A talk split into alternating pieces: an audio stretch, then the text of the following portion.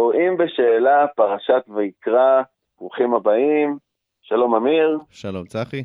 אז uh, אנחנו עדיין בלב ליבו של משבר הקורונה, ובפרק האחרון סיימנו למעשה את ספר שמות, אנחנו עוברים לספר ויקרא, ולפני שנתחיל אני רוצה להתייחס לאיזשהו פוסט שכתבה חברה בפייסבוק uh, בשם מיכל גלר, והיא מדברת על, ה... על ההסתה החמורה בעיניי גם שיש היום כלפי המגזר החרדי עם כל ההתפשטות של הקורונה שם. עכשיו, לפני שאני ככה גם אצטט קצת ממה שהיא כתבה וגם אגיד uh, טיפה על הדעה שלי, אני, אני לגמרי מבין ביקורת כלפי המגזר הזה, כי, ה, כי באמת אנחנו רואים שאחוזי ההדבקה שם הם גבוהים יותר, אבל אני לא מקבל הסתה, ובטח לא בתקופה כזו שאנחנו צריכים uh, לפחות לנסות ולהיות כמה שיותר ביחד כדי לעבור את המשבר הזה ביחד, אבל במרחק כמובן. אז האם ידעתם שלפני שנה הלשכה המרכזית לסטטיסטיקה פרסמה שתוחלת החיים הגבוהה ביותר בישראל היא בבני ברק? ולמה? אתם חושבים שזה בגלל אה, איזושהי תזונה מיקרוביוטית אורגנית אה, נטולת גלוטן ועליה קייל שיש ליד הקפה סטויה שלכם בבוקר? אז לא, זה בגלל שהזקנים בבני ברק עטופים כמו צמר גפן על ידי הילדים והנכדים והנינים, שנותנים להם כבוד ואהבה ושומרים עליהם בבית. עכשיו, הכבוד הזה למבוגרים הוא גם מלכודת המוות שלהם, כי הקרבה הפיזית והרגשית הזו מסכנת אותם, ואת כולנו למעשה, והם עכשיו צריכים לשנות אורחות חיים שתמוהים בהם מאות שנים. עכשיו, זה קשה, זה לא עובד טוב, וגם יש אנשים בתוך האוכלוסייה הזו מעטים שבאמת, שרואים את התמונות שלהם בטלוויזיה, זה, זה פשוט נורא ואיום, הזלזול כלפי החיים של כולנו, אבל זה לא מצדיק את ההסתה שנעשית היום כלפי הציבור החרדי. ומכאן אנחנו קוראים, חבר'ה, בואו בוא נפסיק עם זה, עם ההסתה על כל מגזר, על המגזר החרדי, הערבי, החילוני, אין מקום להסתה. ביקורת תמיד ביקורת, אפשר כן. לתת. ואפשר לבקר את הדברים האלה ולנסות לשפר, כי בסופו של דבר כולנו באותו סירה. וחשוב שכולנו נבין את זה, והחברה שלנו נמדדת לפי החוליה הכי חלשה, ואנחנו חייבים לחזק את החוליה החלשה הזאת. בדיוק. ומיכל, תודה על הפוסט הנהדר. אני חושב שניתן אות ונתחיל. קדימה.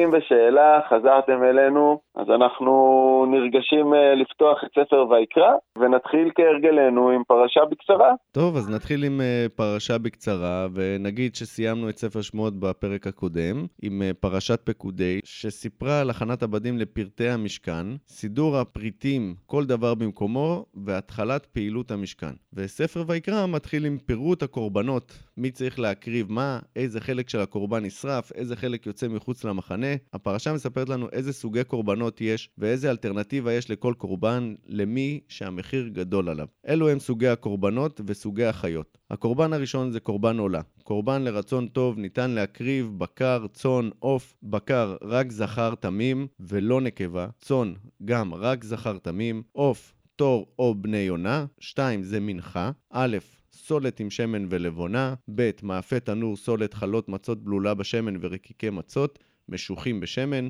ג', מנחת מחבת, סולת בלולה בשמן מצות, מנחת מרחשת, סולת בשמן, ו-3. זבח שלמים, ניתן להקריב מן הבקר או צאן זכר או נקבה תמימים, רק בלי החלב או השומן. 4. קורבן חטאת מתחלק לפי מקרים ומי מבצע את העבירה. נפש חטאה בשגגה ממצוות לא תעשה. הכהן צריך להקריב פר בן בקר תמים. כל עדת בני ישראל אם חטאו בשוגג. פר בן בקר. נשיא, שעיר עזים, זכר תמים.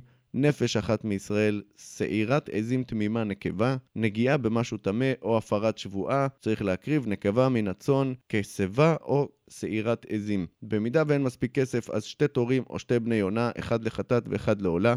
אם עדיין אין כסף, ניתן להביא אפייה, סולת לחטאת ללא שומן וללא לבונה, כי זה עדיין נקרא חטאת. מעילה בשוגג, אייל תמים מן הצאן או שווי הכסף של האייל, בנוסף ישלם על המעילה כפול חמש. ככל הנראה. נפש בודדת שעשתה בשוגג מצוות לא תעשה, אייל תמים מן הצאן. נפש שמעלה באלוהים, גזל, עושק, נשבע שקר, לא שמר על פיקדון, ישלם פי חמש על הגזל, עושק או פיקדון, פלוס אייל תמים מן הצאן. זה הפרשה בקצרה. יפה מאוד.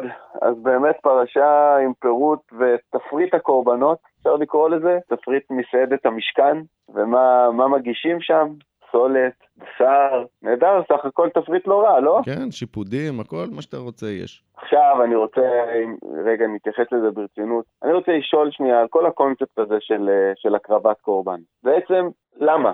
למה כדי לכפר על עוון שלך, או כדי לבקש איזושהי בקשה שלך, אתה צריך להקריב יצור חי אחר. עכשיו, אני לא, לא מביא את הביקורת הזו מתוך מקום של צמחונות, א', כי אני לא, וב', כי אני לא חושב שזו ביקורת נכונה במקרה הזה, אלא מתוך ביקורת של למה הקרבה של חיים של יצור אחר בעצם גורמת למישהו לסלוח על משהו שאתה עשית. אני כן יכול להבין אה, קורבן כסף, זאת אומרת, בוא, אתה רוצה להעניש אותי אז תעניש עם כסף. אני כן יכול להבין אה, הענשה בשווי כסף, נניח כל העולות סולת וכדומה. אני לא מצליח להבין איך הקרבה של יצור חי אחר גורמת לאל, הקור רחום וחנון הזה, לסלוח לך על, על, על משהו שאתה עשית. אני, כל הקונספט הזה לא, לא ברור לי עד הסוף. אני גם אשאל, למה בעצם אם אתה, מה שאנחנו אומרים ב, ביום כיפור, שהוא קורא כליות ולב. נכון. אז אם אתה יודע אם אני מצטער או לא, למה סליחה או אה, מחילה אמיתית מהלב לא אמורה להספיק לך? אני לא מדבר על, על אה, מעשה שהוא בין בן אדם לחברו, אני מדבר בין בן אדם למקום שזה בעצם אלוהים. למה אלוהים לא מסתפק בעצם במחילה שלי? הרי אם אתה קורא את הכליות ולב, ואתה יודע מה אני מרגיש בפנים, מספיק שאני באמת אצטער כדי שאתה תדע את זה. כן. למה אתה צריך נכון. שאני אה, אקריב קורבן? אני יכול להבין את העניין הכספי כמו שאתה אמרת, למען יראו וייראו, שאנשים באמת יחשבו פעמיים לפני שהם עושים איזושהי עבירה נגד אלוהים. כן. אז בסדר, אז זה אני יכול להבין. אבל קורבן, שאתה הורג משהו אחר חי רק בשביל לכפר על משהו, אני חושב שזה מיותר. כן, לחלוטין. לא, זה גם לא, זה, מעבר לזה שזה מיותר, זה, זה מעורר שאלות קשות על מה גורם לאל לסלוח לך. זאת אומרת, זה שעכשיו תהרוג חיה, ועוד תמימה, כן, שתכף נדבר על בכלל מה זה התמים הזה, אבל אתה הורג חיה תמימה, ועל סמך זה שהרגת אותה, סולחים לך על אה, עכשיו גנבתי למישהו, או לצורך העניין עשיתי, אה, לא, יודע, איזושהי עבירה על החוק של האל, כדי שיסלחו לי אני צריך להרוג יצור חי. אני לא מבין את הקונספט, את ההיגיון הלוגי שבין הסליחה לבין המעשה שאתה צריך לעשות כדי שיסלחו לך. אני חושב שזה כמו, יותר דומה לעין תחת עין, ואם היית אמור על העבירה הזאת לקבל עונש מוות, אז במקום שאתה תמות, אז אתה הורג משהו אחר, אבל עדיין, אתה צריך לשלם את המחיר, לא הפר ולא הגדי שנולד. בדיוק, אבל אתה מבין שלא אתה משלם את המחיר. אתה משלם בעצם רק מחיר כספי על זה שאתה מביא את הדבר הזה, אבל אתה לא, אתה לא משלם את מחיר הדמים. מחיר הדמים מקבל, בוא נגיד ככה, אתה יודע, זה, זה רע וטוב לו, צדיק ורע לו. הבן אדם הרע שעשה משהו לא טוב, יוצא ללא פגע. והשה התמים הזה, שלא עשה שום דבר בחייו מלבד לאכול או לשתות חלב מאימא שלו, הוא זה שנענש על מעשים שבכלל לא קשורים אליו. אין פה צדק, אין פה היגיון, אין פה שום דבר ש... שיכול להסביר לי למה הקורבנות. נכון, בדיוק. אני רוצה ככה להזכיר לך שבפרשה הקודמת בפקודי, אלוהים אמר שמשה לא יכול להיכנס לאוהל מועד ולמשכן כל עוד הוא נמצא שם והענן שוכן. נכון. ומתחילה הפרשה, פרשת ויקרא מתחילה, ויקרא אל משה וידבר אדוני אליו מאוהל מועד לאמור. עכשיו, סליחה, לפני דקה אמרת לנו שכל עוד אתה נמצא, אף אחד לא יכול לדבר איתך. לא, עזוב אף אחד, משה, משה ספציפית. נכון, והנה הוא קורא לו לתוך אוהל מועד ומדבר איתו. כן. אז תחליט, או שהוא לא נכנס, או שהוא נכנס רק בהזמנה. אז תגיד, הוא יכול להיכנס רק כשאני קורא לו. כן. אבל כל לא, עוד... הוא כותב, כל עוד אני שם אתה לא נכנס, רגע אחרי זה, בוא בוא רגע. בוא שנייה, אני רוצה להגיד לך משהו. אז כאילו החוקים כן. משתנים לפי מה שנוח. ותגידי, אם כבר נגענו בנקודה של, אה, של השה התמים או הקורבן התמים, מה זה תמים בחיה? אני, אני לוקח את זה מכיוון של uh, תם זה שלם. ו... אה, אוקיי. ושכמו שאומרים, תם ונשלם. זה נגמר ונשלם, זה שלם. כן, אז, כן. אז חיה בעצם אה, כבש או בן בקר שהוא, שהוא שלם ללא פצע, שהוא באמת, אתה יודע, יכול להיחשב כטהור. זאת אומרת, אתה, אתה בעצם אומר שהקורבן חייב להיות אה, ללא פגע, ללא... נכון, לדעתי, כן, אני שוב, אני לא רש"י. אבל כן. כן, אני חושב שתמים זה מלשון אה, תם, מלשון אה, שלם. ו, ומלבד זה גם זה עניין של הגיל. ומה העניין עם, ה... עם השעיר זכר, שעירה נקבה? מה, מה, העניין, מה העניין פה עם הזכר ונקבה בקורבן? וגם נקודה שככה עניינה אותי, מה ההבדל למה בעצם? להקריב זכר ולא נקבה במקרים מסוימים? כן, כי נגיד בקורבן עולה, אז כן. זה, זה באמת רק זכר. למה? מה ההבדל? תראה, אני לא יודע למה זה, למה זה זכר ולמה זה נקבה. אני... נסתרות הן דרכי האל. נ, נ, נשאיר את זה שם בינתיים. נקודה הבאה, שבני אהרון נותנים אש על המזבח. ו... ואני אני חשבתי כל הזמן שהאש הזאת היא, היא אש אלוהית. היא אש שאלוהים מוריד. כאילו, מי צריך לאכול את זה? איך, איך בעצם אלוהים אוכל את זה אם לא האש שלו? כי אם זה אש כן. שבני אהרון נותנים, בעצם הכוהנים מדליקים את האש על המזבח. זה נורא הזוי, אז כאילו אין פה שום התערבות אלוהית מלבד זה שהעשן עולה למעלה. ואז הוא מריח את זה, כאילו, איפה ההתערבות האלוהית בקורבנות אם האש היא גם עשויה מבני אדם? כאילו, האש, רק- אה, עושים אותה זה בני אדם. בעצם בא ואומר לנו שהאש, אותה אש שחשבנו שבאמת אלוהים עושה, כי זה, מה זה חשבנו? כי ככה היה כתוב לפני, אז עכשיו הוא מצווה את, משה, את אהרון ובניו להדליק את האש, וזה רק מוכיח לנו שהמשמעות של האש היא לא איזושהי דרך של אלוהים לאכול את הבשר, אלא איזושהי דרך לבשל את הבשר. זאת אומרת, זה לא, זה לא הפה האלוהי, האש הזה. זה, זה בעצם הדרך להכין את הבשר לכבוד האל, או הרבה יותר הגיוני מהעניין הזה לכבוד המלך. זאת אומרת, זה שתכף יקבל את כל הנתחים, גם זה מוגדר, תסדרו אותם כנתחים, אה, ותמליח. בעצם, בעצם הכהן הגדול הוא לא אחר מאשר שף של אלוהים. בדיוק, אבל בדיוק, לא, אבל אני רוצה, ככה. אני, אני רוצה באמת להתייחס לנקודה הזאת ברצינות, כי אני חשבתי באמת שהאש היא אש אלוהית. עכשיו, אם אתה כן, בא כן. ואומר לי שהאש הזאת היא, היא אש שנוצרת על ידי בני אדם, אני באמת לא מבין את הניסים שקורים פה. אין פה נס. בדיוק, ו- בדיוק. ועצם העובדה שהאש הזאת לא יורדת מהשמיים ו- והיא אש אלוהית, שם לי סימן שאלה גדול על כל המקרים שהאש מופיעה כמשהו ניסי. נכון, בדיוק. זאת אומרת, עמוד זוכר, האש והלפידים, בדיוק. וזה באמת נכון. מראה לי שהאש, אלוהים לא מייצר את האש הזאת, האש הזאת היא נאכלת על ידי, היא נוצרת על ידי בני אדם. היא פשוט אש. אש, אש, רגילה, אש לכל דבר, זה לא מכירים. אש שיורדת משום מקום. וזה ממש כתוב פה. נכון. אתה יודע, אבל uh, משהו אחד טוב כן אפשר להגיד, זה שהוא יודע איך עושים בשר. הוא לא אומר עכשיו תשים לי פפריקה וזה. מלח. אם הוא היה אומר מלח גס ופלפל, בכלל הייתי מעריך עכשיו את זה יותר. אבל הוא, הוא יודע מה שמים על בשר ועל האש. הוא גם אה, אומר לך איזה חלקים אתה מוציא, מה אתה משאיר, מה אתה זורק. כן, בדיוק. הוא- פרוס לי בבקשה ארבע קילו שייטל. בדיוק. באופן כללי, אם אנחנו נסתכל רגע על העניין הזה, אתה יודע, זה קצת נראה כאילו עכשיו אה, אלוהים סיים לבנות לעצמו את הארמון המפואר, עמוס הזהב והכסף והזה, סיים, הבית מוכן, אפשר להיכנס, ומה הדבר הבא שהוא דואג לו? הסדרי המזון שלו ושל משרתיו הכהנים. בעצם, עכשיו סיימתי את הבית, בואו נדאג לאוכל. זהו, ופחות או יותר בזמנים של אז, זה מה שהיה, זה לא שמישהו היה צריך להגדיר לו עכשיו את הסטרימר בסלון. הוא מבחינתו נכנס לבית מזהב שלו, יש לו אוכל, זה כל מה שצריך מעתה והלאה. עכשיו, כשאתה אומר בית מזהב, זה, זה נראה לך משהו, אתה יודע, יפה ונקי, ואתה יודע, זה ארמון. כן, אבל מסתבר שעם אה, הקרבת הקורבנות, בוא תראה כמה המקום הזה מטונף. למה? כי בקורבן חטאת, אתה צריך, הכהן הגדול צריך לקחת את הדם של הקורבן ולהתיז אותו על הפרוכת שבע פעמים. כן, עכשיו, איפה נמצא הפרוכת? בקודש הקודשים. נכון. ותחשוב שקודש הקודשים נמצא עכשיו מלוכלך בדם של קורבנות. עכשיו, זה לא קורבן אחד,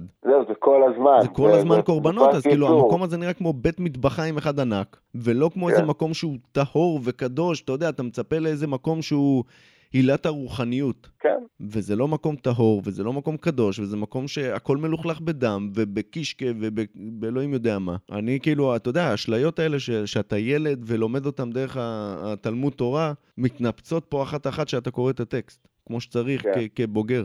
לא, בדיוק, זה לא איזה ארמון אה, מזכוכית יפהפה ומצוחצח. למרות שלך תדע, אתה יודע, יכול להיות שאחרי כל קורבן או בסוף כל יום עבודה, דיברנו בפרשה הקודמת על שעות קבלת הקהל שם, אז יכול להיות שבאמת בסוף שעות העבודה מנקים, אתה יודע, מנקים את הסניף. כן, אני משער שהם מנקים את זה, אבל בוא, הם באמצע המדבר. אין לך איזה כן. מים זורמים כל הזמן, אה, אתה יודע, שאתה יכול ככה לשטוף את המשכן אה, כל, אה, כל יום עבודה. כן, נקי זה לא. צינור, נקי זה לא. צינורות אין. אז אתה יכול לבוא עם דלי ולשטוף ולקרצף וזה, אבל זה לא נקי כמו שהיום מנקים. זה כן. צחנת אימה הדבר הזה.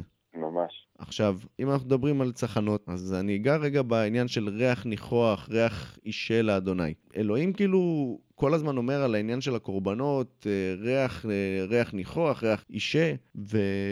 ולמה הקרבת קורבנות, הניחוח של גופות חרוכות של חיות, חוץ מזה שאני יכול להבין אותו כבן אדם שאוהב על האש, זה אחלה ריח, אבל כאלוהים שיצר את החיות האלה, אתה לא רוצה להריח את מה שיצרת נשרף. כן. איך זה הופך להיות ריח ניחוח? זה הופך להיות ריח ניחוח אם אתה בעצם מלך. ו- ואנחנו כבני אדם, רובנו לפחות, כן אה, הריח של העל האש הוא משהו שאוטומטית מגרה את החושים שלנו. אה, במידה ואתה מלך ואתה יצרת עכשיו יצור חי ובאים ורוצחים אותו בשבילך, אז באמת מתקשה להבין את ה... בכלל, את השיוך של ריח לאל. בכלל, את עצם זה שהאל מריח. האל לא אמור, אתה יודע, נכון. לא נראה לי...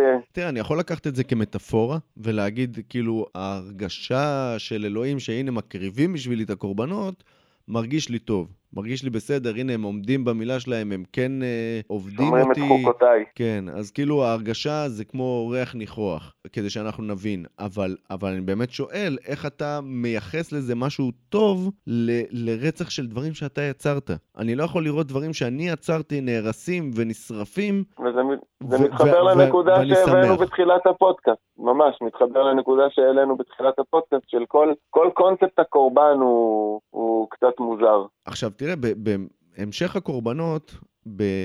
הוא מבקש, כל המנחה אשר תקריבו לאדוני לא תעשה חמץ, כי כל שאור וכל דבש לא תקטירו ממנו אישה לאדוני. עכשיו, אני, אני שואל, מה זה חמץ? החמץ, אתה מתכוון לכל הלכות הכשרות של החמץ כמו בפסח, או שאתה מתכוון לחמץ מלשון חמוץ שמחמיץ? זו שאלה שאני לא, לא הצלחתי להבין אם, אם לזה הוא מתכוון או לזה הוא מתכוון. בהמשך הוא אומר, בפסוק י"א פרק ג' רשום, והקטירו הכהן המזבחה לחם משל לאדוני. עכשיו, אם הוא מקריב לחם, לחם זה חמץ. נכון. אז השאלה, אז, אז זה כאילו, לוקח אותי לכיוון השני, חמוץ, חלב, כמו יודע, חלב שהוא לא... זוכר, אם אתה זוכר, בפרשה הקודמת, היה לא פעם מוזכר אה, לחם המצות. נכון. כל הקונספט של, ה... של מה זה חמץ, אני חושב שבאופן כללי בפרשות האחרונות מאוד מתערער. אה, כביכול היום מאוד ברור לנו חמץ, 18 דקות מרגע התחלת אה, הכנת הבצק וכולי, אבל בפועל, כשאתה קורא את הטקסט, זה לא בדיוק ככה. זאת אומרת, החמץ מוזכר כל כך הרבה פעמים, בכל כך הרבה מובנים אחרים. שבכלל לא ברור שלזה מתכוונים כשמדברים על חמץ.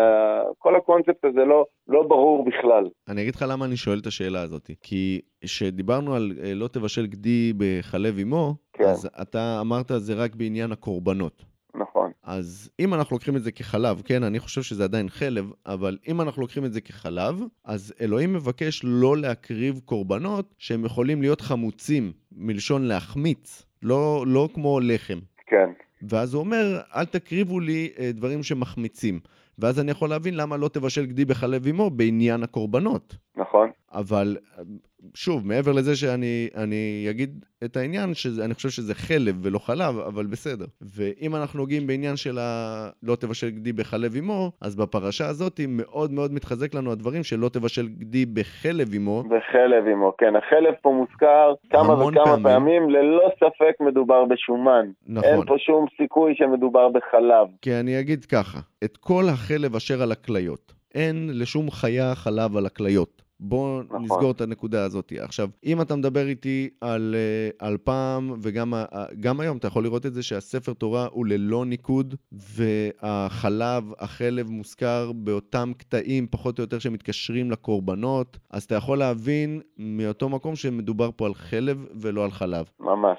זה כבר, זה כבר מה שנקרא אתה יודע, במשפטים הפליליים, אז יש את המושג הזה, מעל ספק סביר. כן. אז אין ספק שכאן אנחנו מעל ספק סביר שמדובר בחלב. אז נכון. אני חושב שיש פה, אתה יודע, קריאה לעולם, חבר'ה, אנחנו, אתם שכן מאמינים, אני חושב שהטקסט מתכוון למשהו אחר ממה שאתם עושים היום, ואתם כן אוכלים בשר עם שומן, ואני חושב שאם אתם באמת רוצים להתייחס לדברים כמו שהם נכתבים, בשר ושומן זה אסור, לא בשר וחלב.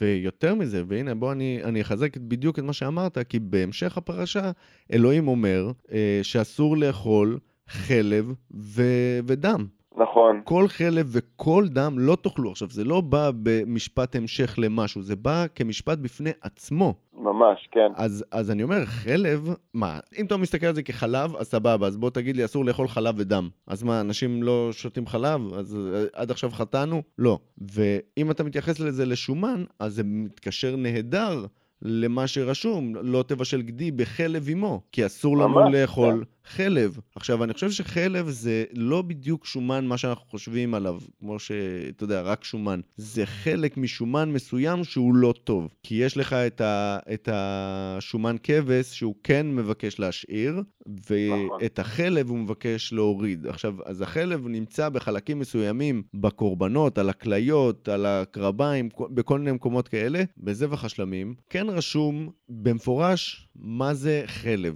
ואיזה חלב משאירים ואיזה חלב מוציאים. אז הוא כן. רושם, והקריב מזבח השלמים אישה לאדוני חלבו העלייה תמימה, לעומת העצה יסירנה ואת חלב המכסה את הקרב ואת כל החלב אשר על הקרב. אז הוא כן אומר לך מה זה חלב, כי חלב העלייה, כולנו יודעים מה זה ליה בשומן כבש, ואת זה כן אה, להשאיר, את החלב האחר. שיש שומן שהוא טוב ויש שומן שהוא לא טוב, בדיוק, אז... אבל זה בטוח שומן. בדיוק, כאילו חד משמעית, יש פה פירוש למה זה חלב. כן. אז הנה, כן, אפשר לראות בדיוק מה זה, מה זה השומן הטוב ומה זה השומן הלא טוב, ו, ומפה, אתה יודע, כל אחד ייקח את זה לפירוש שלו.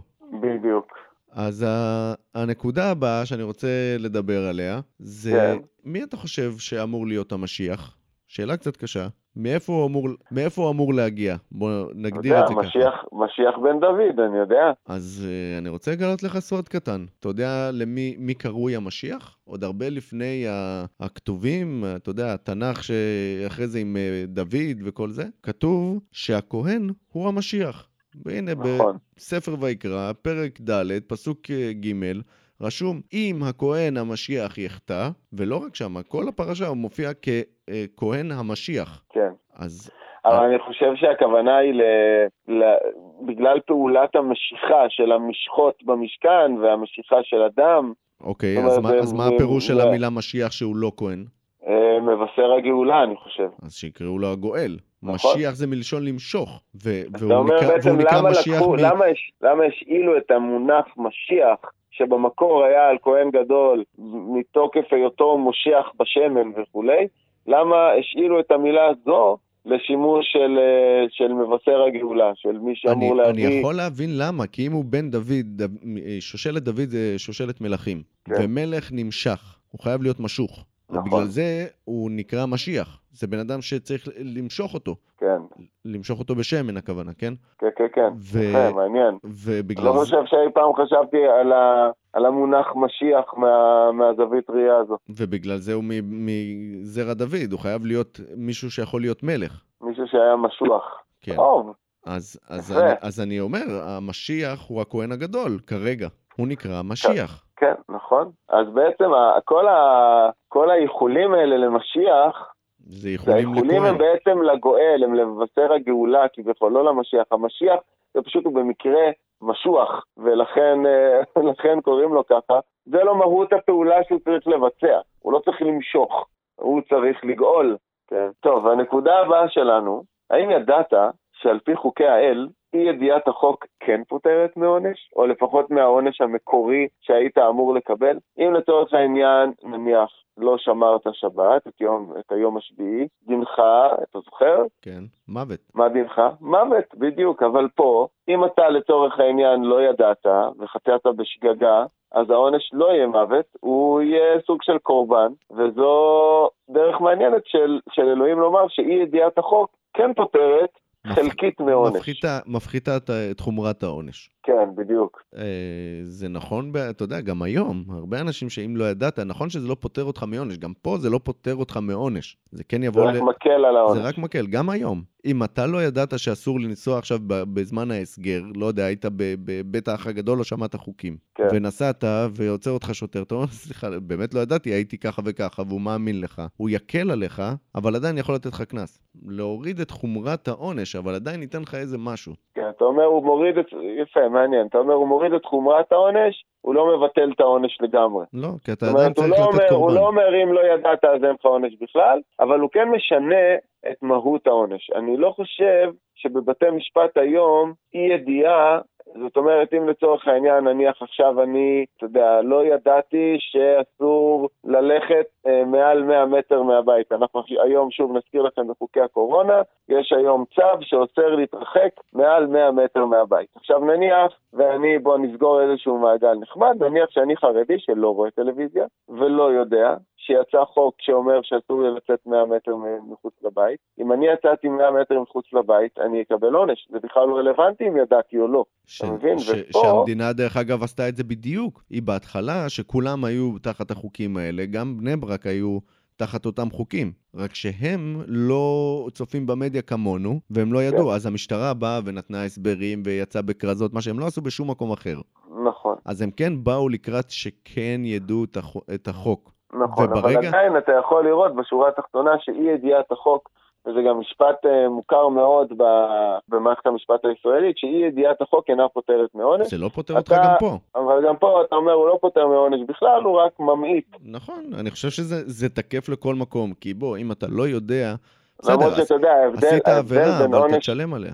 כן, לא אבל ההבדל. בין עונש מוות, ההבדל בין עונש מוות להעלאת קורבן, היא מאוד מאוד מאוד שונה. זה, זה שונה בתכלית. זה כמו שלצורך העניין, אה, נניח היום בטקסס, מישהו ירצח, הוא יגיד שהוא לא ידע, ואז ישנו לו את החוק מ, אה, מישיבה על כיסא חשמלי לשלושה חודשים של עבודות שירות. זה חושב- פחות או יותר המקבילה. אני חושב שזה נכון לגמרי לעשות את זה, כי תסתכל שדווקא בעונשים הכי חמורים, אפילו צל של ספק סביר, ישר מורידים משמעותית את העונש, כי אתה לא רוצה בשום צורה להרוג מישהו, אי ידיעה עדיין מורידה משמעותית את העונש, כי אתה לא עשית משהו שבמתכוון וביודעין, אתה עשית משהו שהוא בלי ידיעה. הרמ... אם היית יודע את זה, כנראה לא היית עושה את זה. אז כן. בגלל זה העונש הוא הרבה יותר נמוך. אז תראה, מ- מלבד זה שאתה אמרת שמי שלא יודע את ה- את החוקים, אז ייענש פחות, והנה יש פה משהו שמתחבר אולי גם להיום, שיש קורבן שהעם יכול להקריב. במידה והוא עשה משהו שהוא לא ידע שהוא עושה. אז יש קורבן שנקרא, שזה קורבן חטאת, ואם כן. בני ישראל שלא ידעו מה הם עושים והם עדיין חטאו, אז אלוהים מוכן לבוא ולסלוח, אם תקריבו קורבן פר בן בקר לחטאת, אז הוא יסלח לכם. אז אולי, אתה יודע, גם כמו שאתה אמרת על אה, מחצית השקל, ואולי נעבור את הנגיף הזה, כי לא יבוא נגיף אם ניתן חצי, ש... אה, חצי שקל, כן. אז גם פה אולי חטאנו, ואפשר להקריב קורבן אה, פר בן בקר לחטאת, והוא יסלח לנו. כן, זה אופציה. זה באמת עוד, אה, עוד אה, רמז למה ניתן לעשות כדי להעיף את מגפת הקורונה על פי הטקסט, על פי הכתוב. יפה מאוד, אלו היו טוב. הנקודות שלנו אה, לפרשה זו. אנחנו מקווים שנהנתם. אנחנו ממשיכים, זה הפרק השני ברציפות לעשות הקלטה מרחוק. כל אחד מכין לעצמו את הנקודות מרחוק, וזה קצת יותר קשה מבדרך כלל, אבל אנחנו מקווים שנהנתם, וניפגש בפרק הבא. ביי.